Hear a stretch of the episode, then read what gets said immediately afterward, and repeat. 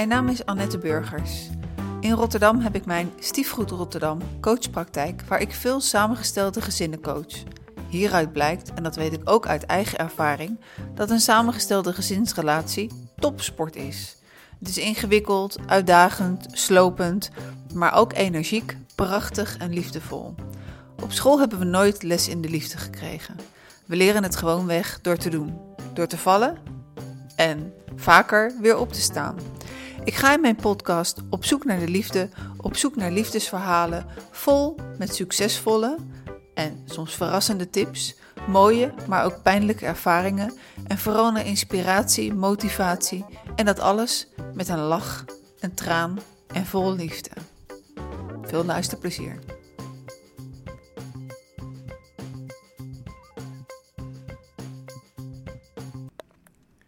Vandaag is mijn gasten Aisha, 38 jaar, kind van gescheiden ouders, kind van samengesteld gezinssituatie en heeft één volle zus en ook nog een stiefzusje en een, twee, stiefzus, twee stiefzusjes. We beginnen opnieuw. Ja. Wacht even, wat was het? Twee stiefzusjes? Nee, één, uh, één, één volle zus, één stiefzusje en twee stiefbroers. En twee broertjes, oké. Okay. Dat is wel raar. Gebruiken die namen nooit. bonus. Wil je liever bonus? Nee, dat vind ik ook niet. zo hip en mogelijk. Oké. Vandaag is mijn gasten Aisha, 38 jaar.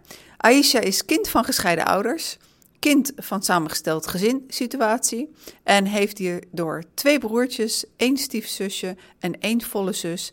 En ik ga vragen naar haar eigen gezinssituatie. Aisha, welkom. Aisha, welkom. Uh, wat is jouw uh, relatiesituatie?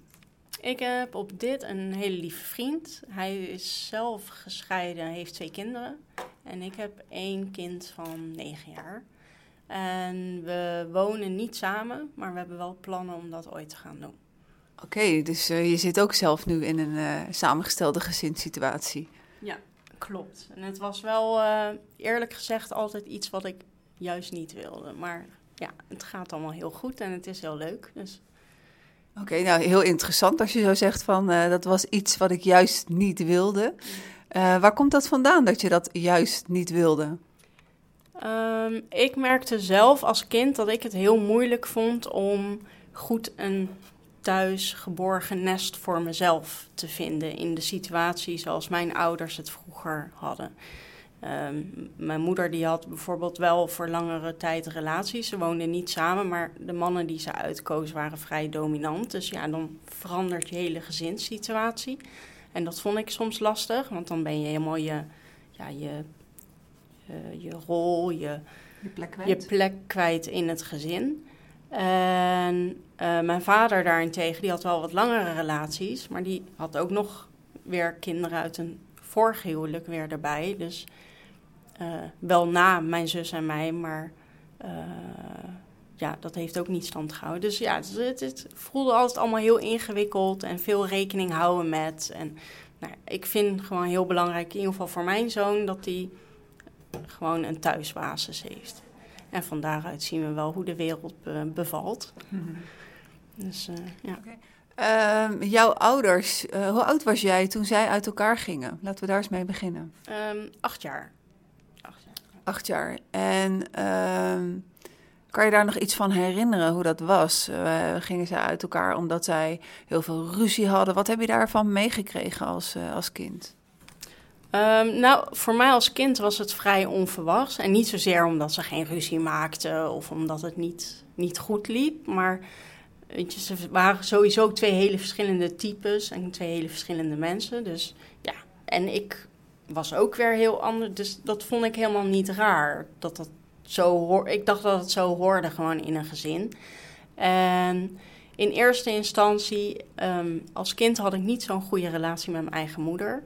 Dus toen mijn ouders gingen scheiden, had ik zoiets van: Nou, dan ga ik naar mijn vader, probleem opgelost. En toen, um, ja, op zich had ik er dus met de scheiding zelf geen moeite. Het is meer de rommelige situatie daarna. En ik denk ook dat dat het meest lastig is, want je weet niet wat er eigenlijk op je afkomt. En je, je beseft als kind ook niet wat een impact dat allemaal heeft. Nee, inderdaad. Uh, want uh, er kwam een moment dat je vader dan, neem ik aan, uit huis ging. Ja, toevallig was het wel de situatie. Ja, mijn vader die ging het huis uit. Mijn ouders hebben trouwens wel een tijdje samen co-ouderschap in hetzelfde huis gedaan. Dus dan was het huis was het huis waar mijn zusje en ik woonden. En dan ja, ging een week lang mijn vader het huis uit en dan een week lang mijn moeder het huis uit. En dat was eigenlijk voor hun niet leuk, maar voor ons wel de meest rustige situatie. En uh, ik vond het wel slim bedacht. Ik zou er, nu ik zelf volwassen ben en in zo'n situatie zit, zou ik er niet aan moeten denken. Maar als kind vond ik het wel, uh, ja, het had weinig impact op ons leven op die manier. Ja, jullie leven kon gewoon doorgaan. Je had je eigen kamertje, je eigen knuffels. Je hoefde niet met een koffertje heen en weer. Oké, maar dat, dat veranderde dus op een gegeven moment.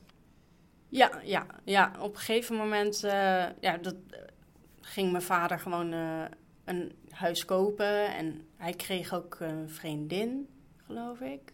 En dat was. Dat is dus ja, nu weer.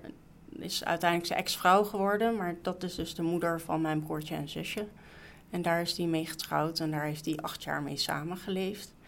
En wij hebben ook uh, toen in het begin ook gewoon nog steeds co-ouderschap gehad. Maar op den duur merk je dat, ja, zolang de scheiding gelukkig was, ging het goed. En toen kwam er een situatie, omdat ze beiden denk ik verder gingen, ik weet niet. Maar ja, tussen mijn ouders kwam er steeds meer spanning en wrijving. En nou ja, daardoor werd de situatie ook niet heel ontspannen voor ons. Ja, misschien kwam dat dan omdat er ook anderen in het spel kwamen. Ik dat, uh, bij, dat ze partners hebben, dan gaan die part, partners zich daar natuurlijk ook mee bemoeien. En dan uh, kan dat wel eens wat, uh, wat invloed hebben op de, op de relatie. Um, zeg jij nu dat ehm, eerst had je de mooie situatie dat jullie in je eigen huis zaten. Ja. Toen ging je vader een huis kopen. heeft hij toen ook even alleen gewoond of ging hij een huis kopen en had hij toen al die, de, de, nieuwe, de nieuwe dame? Um, ja, hij had vrij snel een nieuwe vriendin. Maar ik denk dat het even duurde voordat hij ook ons daadwerkelijk aan haar voorstelde. Want... Kan, kan, je daar nog iets van herinneren? Van als er dan ineens zo'n nieuwe dame in, uh, in je leven kwam? Want jij was toen rond een jaartje of tien misschien uh, tegen die tijd? Nee, ja, misschien. Ja, nee. Nee, want toen, tien, elf, toen kregen we een broertje. Dus nee, dat was vrij vlot. Ik denk dat, we, dat we zeker 9, 8. Ja, dat was denk ik een jaar verder. Mm -hmm. Dat we daar. Uh, en op zich vond ik het heel leuk, omdat uh, de, de nieuwe vriendin was gewoon tien jaar jonger. En ik dacht, nou, dat is leuk. En dan eigenlijk een soort van grote zus. Of uh, een, een, een, eigenlijk, weet je, op die leeftijd vind je dat leuk. Van heb je een gewoon een, eigenlijk een soort vriendin in een leeftijdscategorie waar je alleen maar tegenop kijkt. Dus nee, ik was er in ieder geval vrij enthousiast over, ja. En werkte dat ook zo? Was het ook voor je, voor je gevoel een grote vriendin? Ging alles in pijs en vree en was het leuk? Nee, tuurlijk niet. nee. En dat, ja, weet je, mijn vader was toen der tijd 33, dus dan ja, was ik bijna 10. En um, ja, nou ja, als je dan tien jaar eraf trekt, een, een meisje van 23. Nou ja, en wij, mijn zusje, zusje en ik, ik zeg altijd zus omdat ze groter is, maar ik ben de oudste. Um, die, uh, die was heel opstandig tegen alles qua verandering, mijn zusje.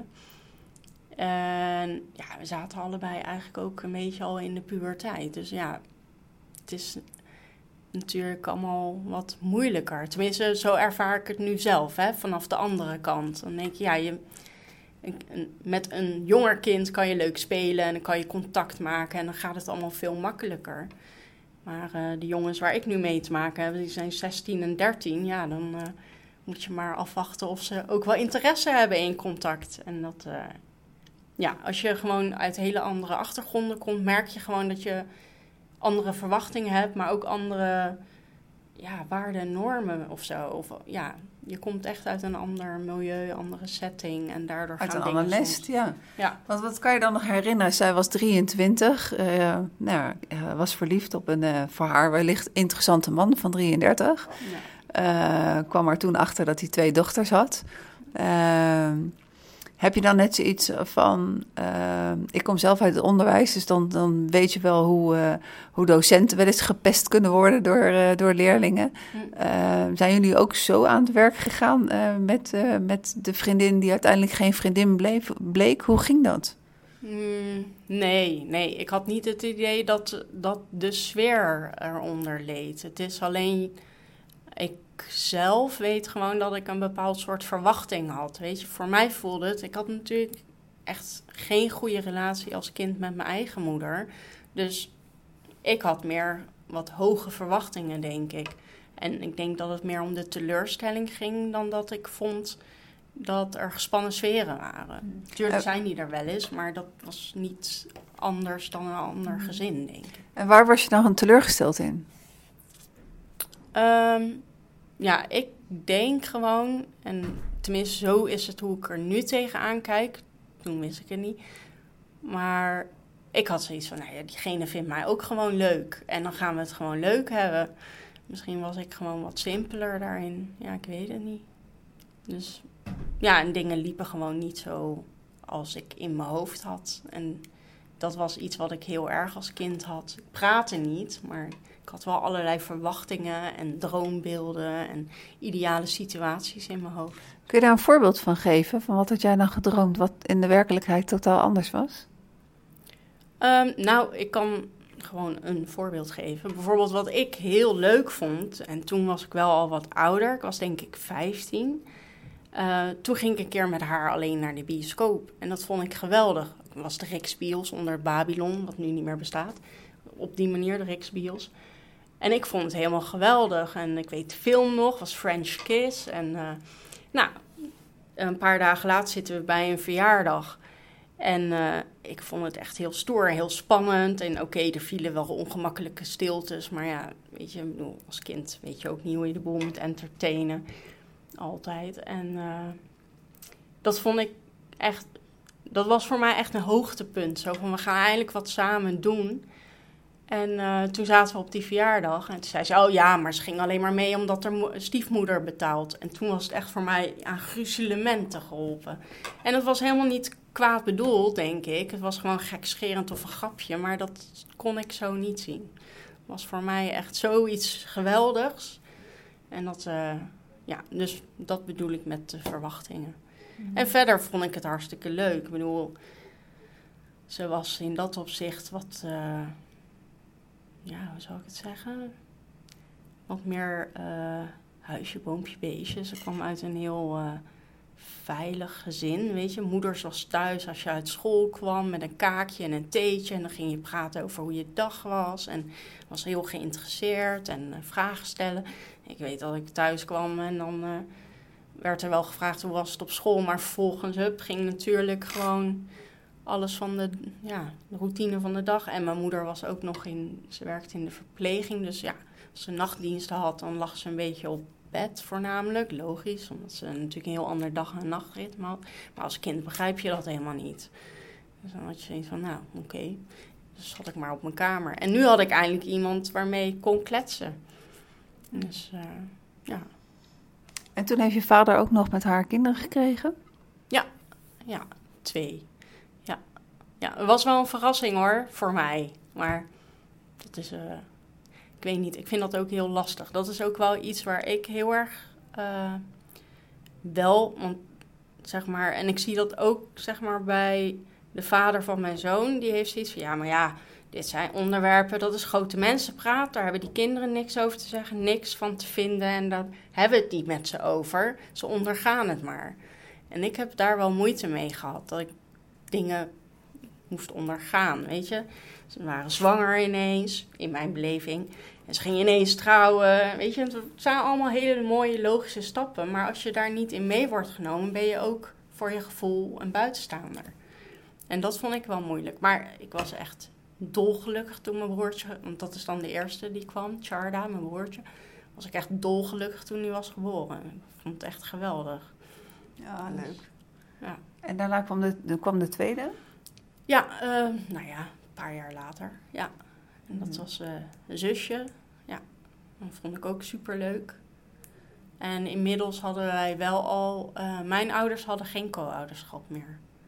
Dus we woonden fulltime bij mijn moeder. En om het weekend en in de vakanties waren we bij mijn vader. Oké, en als ik het goed begrepen heb, dan kwam aan die relatie van je vader ook een eind.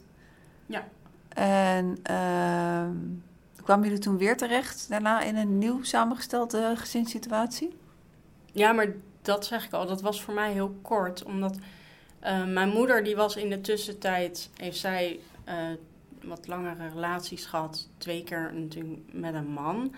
Eh, niet dezelfde. Alleen ze heeft nooit met die mannen samengewoond. En dan de eerste man waarmee zij een relatie had... die was zelf kinderloos. Dus dat, dat was wel ontzettend goede match. En die had een leuke hond. En dan gingen we wel eens daar logeren. En dat was allemaal... Ja, wij stonden gewoon heel centraal als kinderen.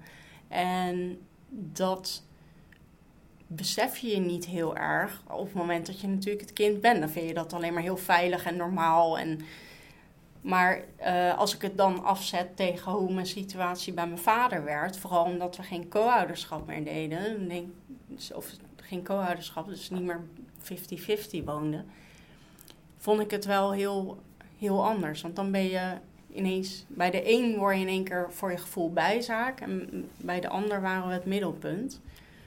Nou, en toen, dat, die relatie ging bij mijn moeder uit. Nou ja, ik, ik weet nooit precies hoe dat bij mijn moeder gaat. Ze heeft altijd een bepaald soort tax en daar gaat altijd alles en iedereen overheen. En dan in één keer explodeert de boel en dan is het klaar.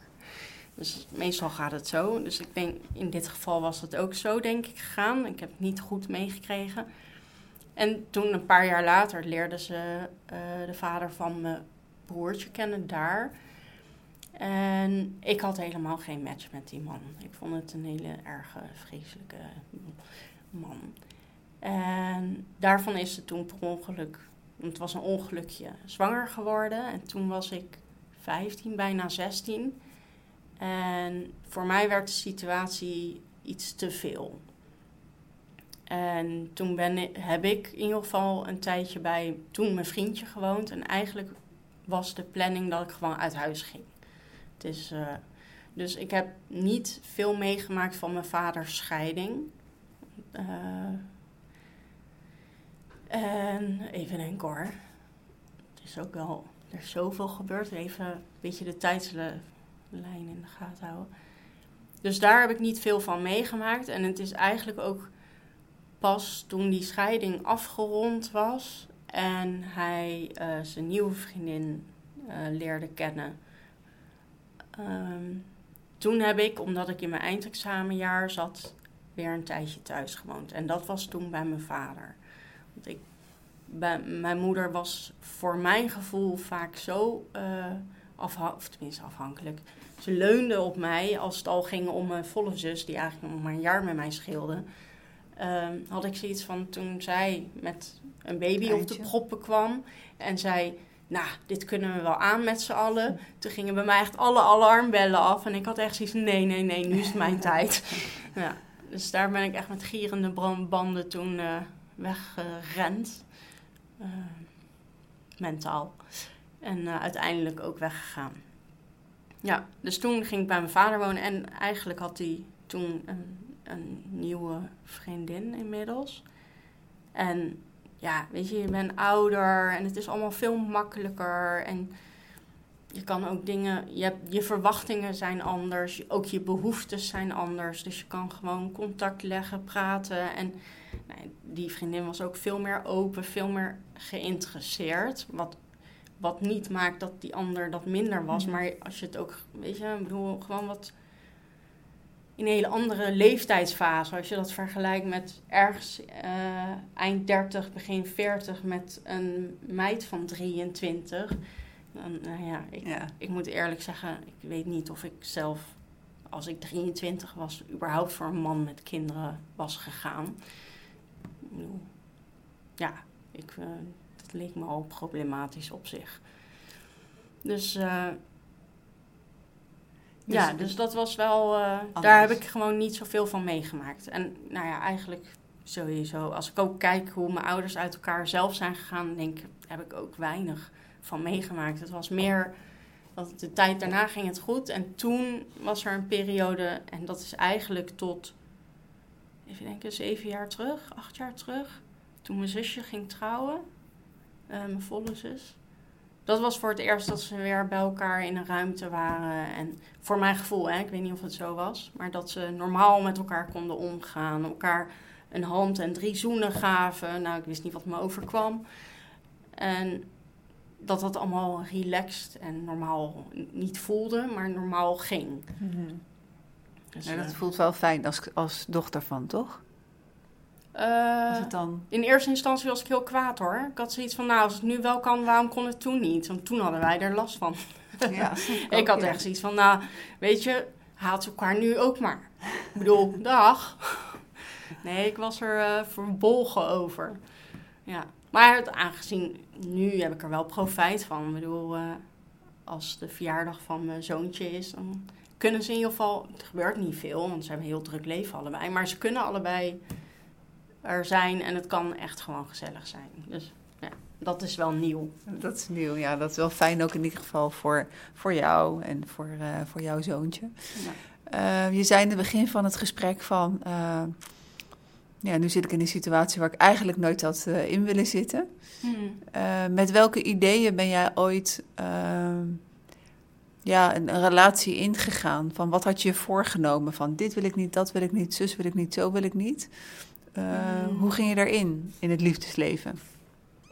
Nou, het was niet heel erg dat ik wist wat ik niet wilde. Tuurlijk wilde ik niet al die rompslomp die mijn ouders hadden.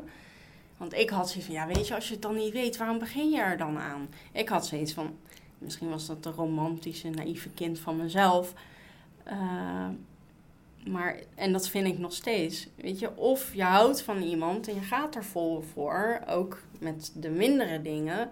Maar weet je, zorg wel dat je goed naar jezelf luistert in dat opzicht. Omdat, ja, daar moet je echt mee door. Dus als het niet goed voelt of diegene maakt je niet gelukkig of, weet je, ja, ik vind dat je daar wel voorzichtig mee mag zijn. Niet dat je het allemaal, bedoel, je mag best wel relatie, maar voordat je echt de serieuze stappen neemt. Ja, oké, bij mij is het helemaal niet zo gelopen. Maar dat was in ieder geval, ik ze, ik, als ik kijk nu naar mijn volle zus, die heeft verkering gekregen op de dertiende. Oké, tussendoor is het aan en uit wel eens geweest. Maar ze is nu getrouwd met hem nog steeds. En nou, ze is net 37 geworden. En ze hebben drie kinderen en leven een heel apart leven hoor. Maar ja, ze zijn helemaal happy met elkaar. En ook met de mindere dingen, maar en, en met de goede dingen zijn ze net zo blij. En soms minder blij, maar in ieder geval zijn ze het wel samen, zeg maar. En dan denk ik, ja, dat eh, ja, had ik wel ook gewild. En dat had ik ook voor ogen. Maar zo is het niet gelopen. Nee, hoe is het dan eh, gelopen? Hoe is het dan gelopen? Ehm, ja, ik, ehm, ik denk dat ik verliefd werd op een man, een jongen, toen nog. eh, die veel te veel op mijn vader leek. en dat paste niet bij mij. En ehm, ja, het gevaar was gewoon dat hij juist doordat die, ja, als, als hij het hoort, vindt hij dat vreselijk. Dat, dat die zo herkenbaar was voor mij, heel erg als thuis voelde. En ik denk dat, eh, dat ik daarin te lang ben blijven hangen. Dus ja, nee, in ieder geval. En uiteindelijk kregen we dus een kind.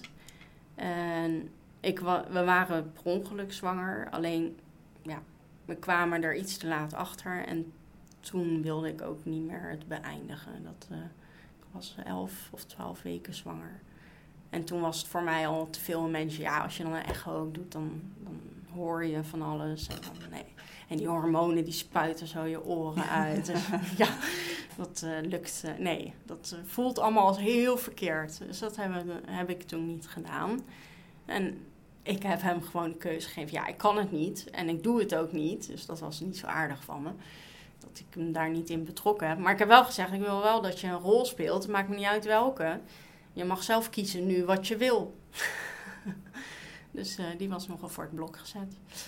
En uh, ja, op zich heel lief, maar hij wilde gewoon het juiste doen. En ik denk dat we gewoon daar niet goed over hebben nagedacht. Dus, maar ja, mijn zoon heeft er een tijdje moeite mee gehad dat hij geen papa en mama in hetzelfde huis had. Maar ja, ik kon hem wel altijd met volle overtuiging vertellen dat hij wel nu het beste van ons twee had. Want dat hadden we met z'n tweeën niet bij elkaar. Mhm. Dus. En ja, nou. En ik vond het eigenlijk wel goed. Zo. Ik bedoel, zeker omdat we co-ouderschap deden, want dat vond ik het moeilijkste. Ik wilde, en dan nog steeds hoor, ik, ik zou het niet alleen willen doen. Ik ben echt heel blij, ondanks dat we natuurlijk verschillen hebben en dat we het misschien ook nooit eens zijn. Maar ja, weet je, hij leert daar andere dingen, met onze zoon, dan dat hij bij mij zal leren.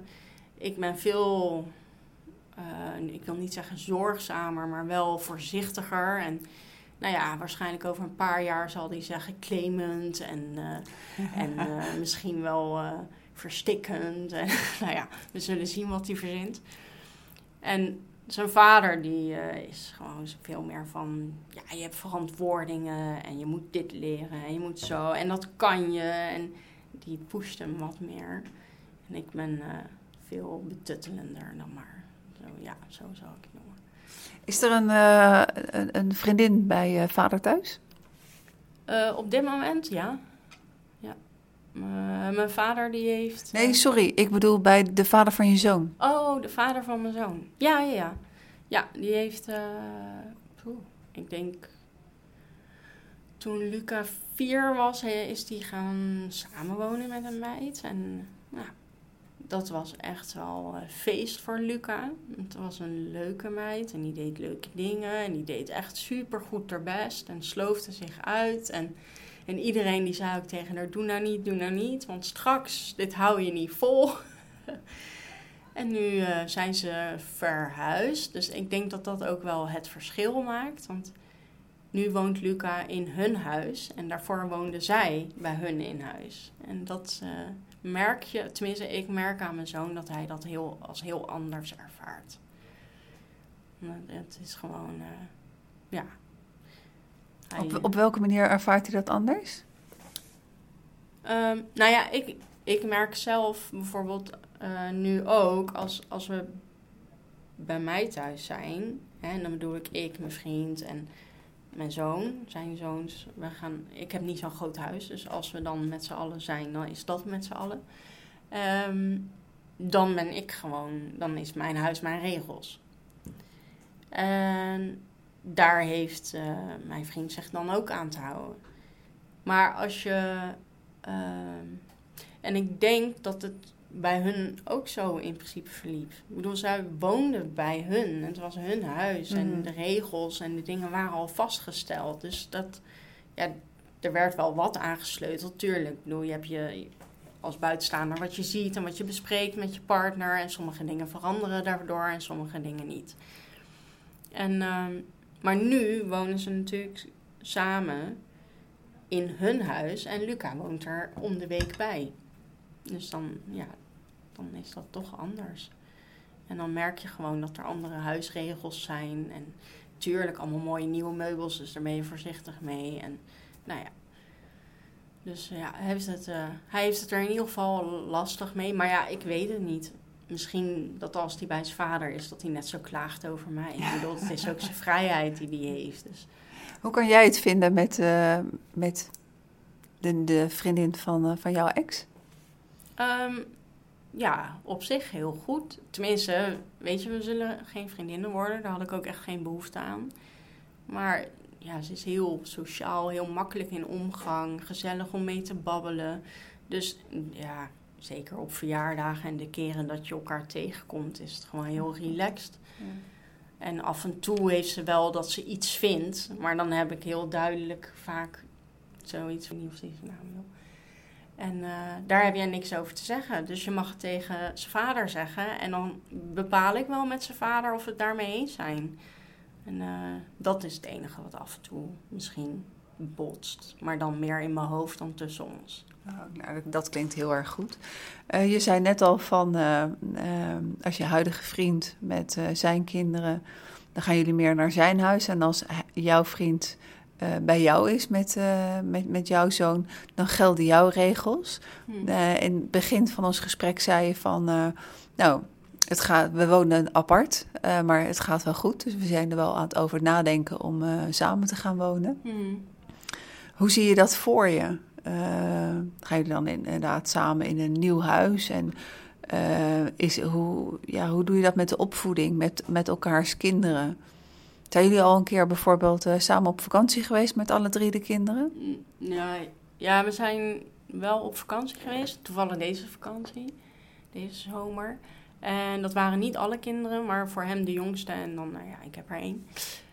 Uh, toen zijn we gaan kamperen, dus dat is op zich ook al een uitdaging.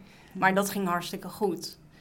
Maar ja, dan zit je ook in een hele andere omgeving, gelden de andere regels. We hebben van tevoren wel een beetje afgesproken. Zo ja, weet je, hoe doen we dat met cadeautjes en verwennerij? Ik heb gewoon gezegd van, nou, laten we gewoon ieder ons zo'n geld geven. Dit is gewoon je vakantiegeld. Doe ermee wat je wil. Koop je er snoep van, koop je er snoep van. Koop je er iedere dag een ijsje van, koop je iedere dag een ijsje van.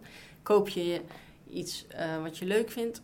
Of je doet heel zuinig en je koopt helemaal niks en dan heb je wat extra geld. Ja. Dus dan hebben we het zo opgelost om inderdaad of gezeur in de winkels te voorkomen. Of uh, ja, dat niet één kind meer zou krijgen dan het andere. Dus ja, met dat soort dingen ja, vooraf gewoon uh, bespreken. En, ja, en als een kind bijvoorbeeld zit te klieren aan tafel en uh, in dit geval, eh, als het kind van je vriend zit te klieren aan tafel en je vriend is even uit beeld, hoe ga je er dan mee om? Ja, dat vind ik dus heel moeilijk, want zijn oudste zoon die kwam later in de vakantie erbij. En zijn zoons onderling, dat is nu echt water en vuur. En dan ja, dan zie ik gewoon zijn oudste zoon dingen doen waarvan ik weet dat zijn vader het niet goed vindt. Terwijl ik heb zoiets van, joh, maak maar lekker ruzie, zolang ik er maar geen last van heb. Weet je, ik ga geen politieagent spelen, ik heb ook vakantie. Maar ik ben daar gewoon wat makkelijker in. En hun vader, die, ja, die wil dat absoluut niet. En vooral niet uh, als ze fysiek worden. En dan bedoel ik niet slaan, maar wel treiteren, een beetje knijpen en uh, een beetje botsen. Ja, precies. Een beetje de, de confrontatie net niet opzoeken. Zeg maar dat. En ik heb zoiets van, joh, ga jullie gang. Ik bedoel, jullie zijn 13 en 16. Jullie zijn nu al aan elkaar gewaagd. Het is niet dat het zeg maar hè, 10 en, en 6 is, weet je. Dan is het echt wel oneerlijk.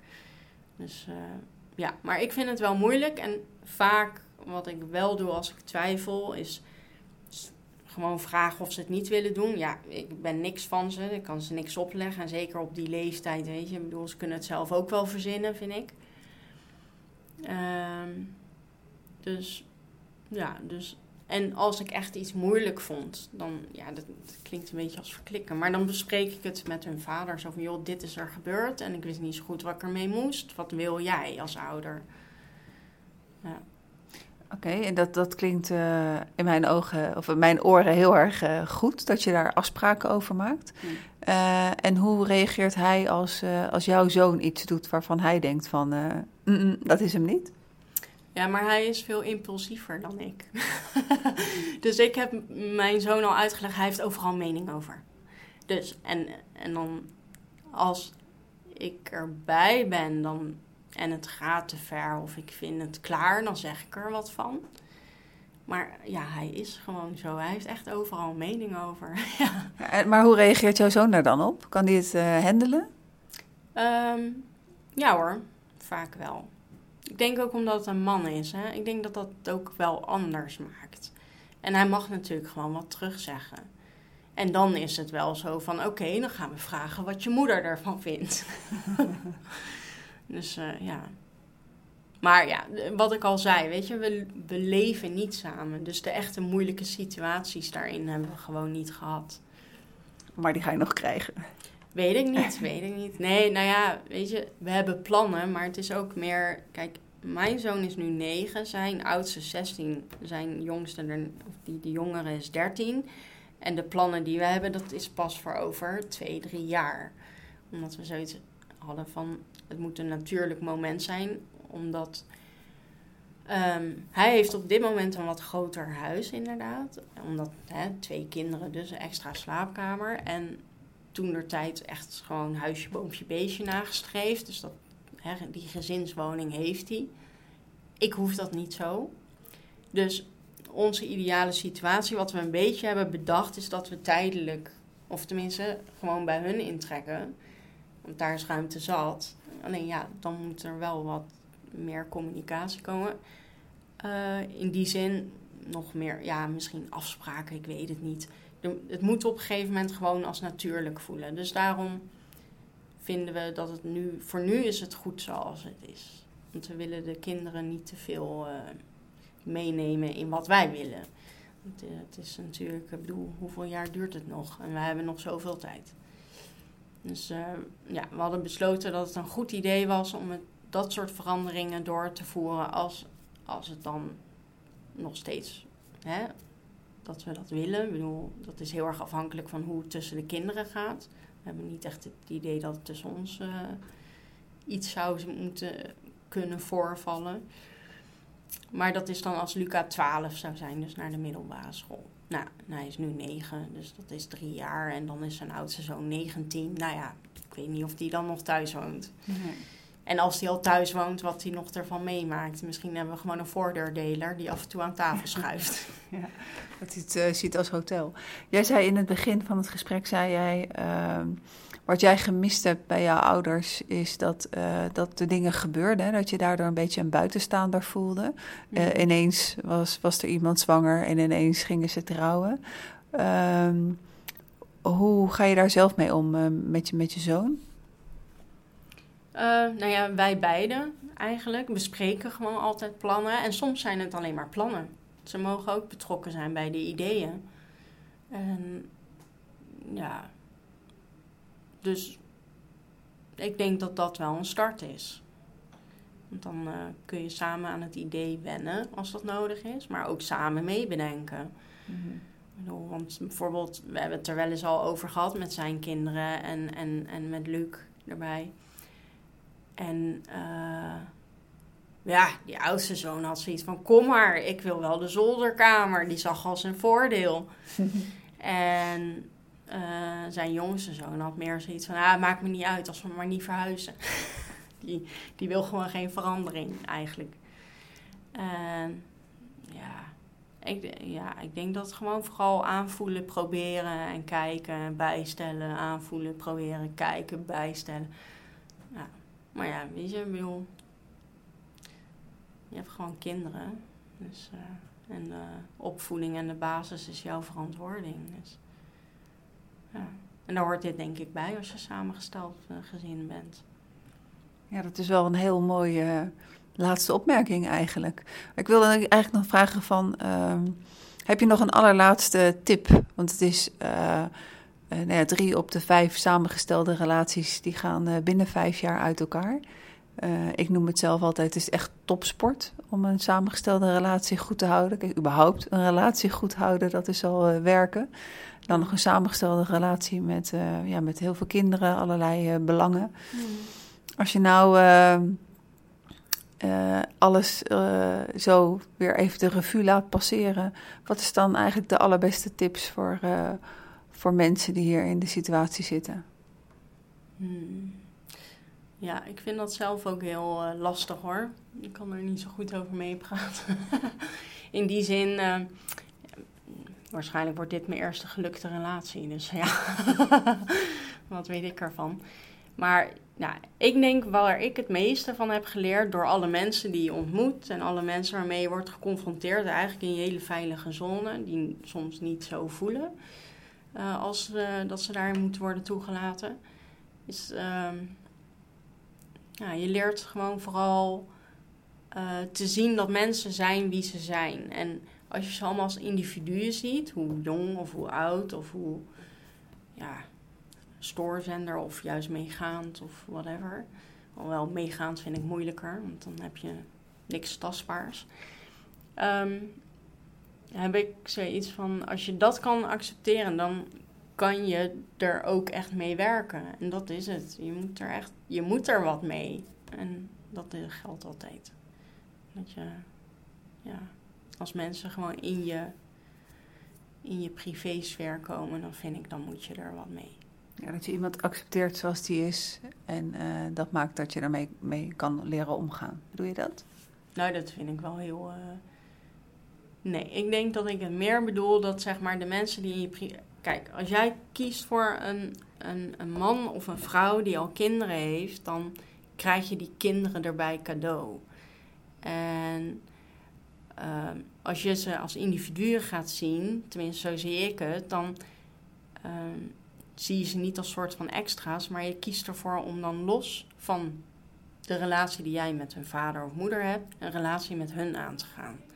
En in mijn optiek is dat de enige manier waarop het werkt. Je kan er niet van uit, oh ja, nu komen ze weer een week. Nou ja, daarna heb ik weer eh, mijn vriend, mijn vriendin voor mezelf. En zo heb ik het heel vaak ervaren als kind. Dat als, als het, dat je je ja, soort van soms te veel voelt of juist opgelucht bent dat je weggaat. En ja, dat zou het gewoon nooit mogen zijn. Oké, helder. Ik wil je bedanken voor dit gesprek. Ja, Hartstikke gedaan. bedankt, Aisha. Nog even, waar komt jouw mooie naam vandaan? Oh ja, ehm, mijn eh, vader die was eh 13 jaar en toen eh, was hij dol van Stevie Wonder. En Stevie Wonder had rond die tijd een dochtertje gekregen, Aisha. En daarvoor had hij het nummer geschreven Isn't She Lovely? En mijn vader was helemaal blind van dat nummer. En die had toen bedacht, als ik ooit een dochter krijg, ga ik haar zo noemen. Nou, en ik was de eerste van drie dochters. En hoe vind jij de muziek van Stevie Wonder? Ehm, nou, het heeft bij mij lang geduurd voordat ik eh, die muziek leerde kennen. Het is pas eh, als puber geweest. En ik vond het eh, toen een beetje oudbollig, maar nu vind ik, kan ik het zeker waarderen. Ja. Oké, super bedankt voor je gesprek. Ja. Over twee weken weer een Op zoek naar de liefde. Bedankt voor het luisteren en tot de volgende keer.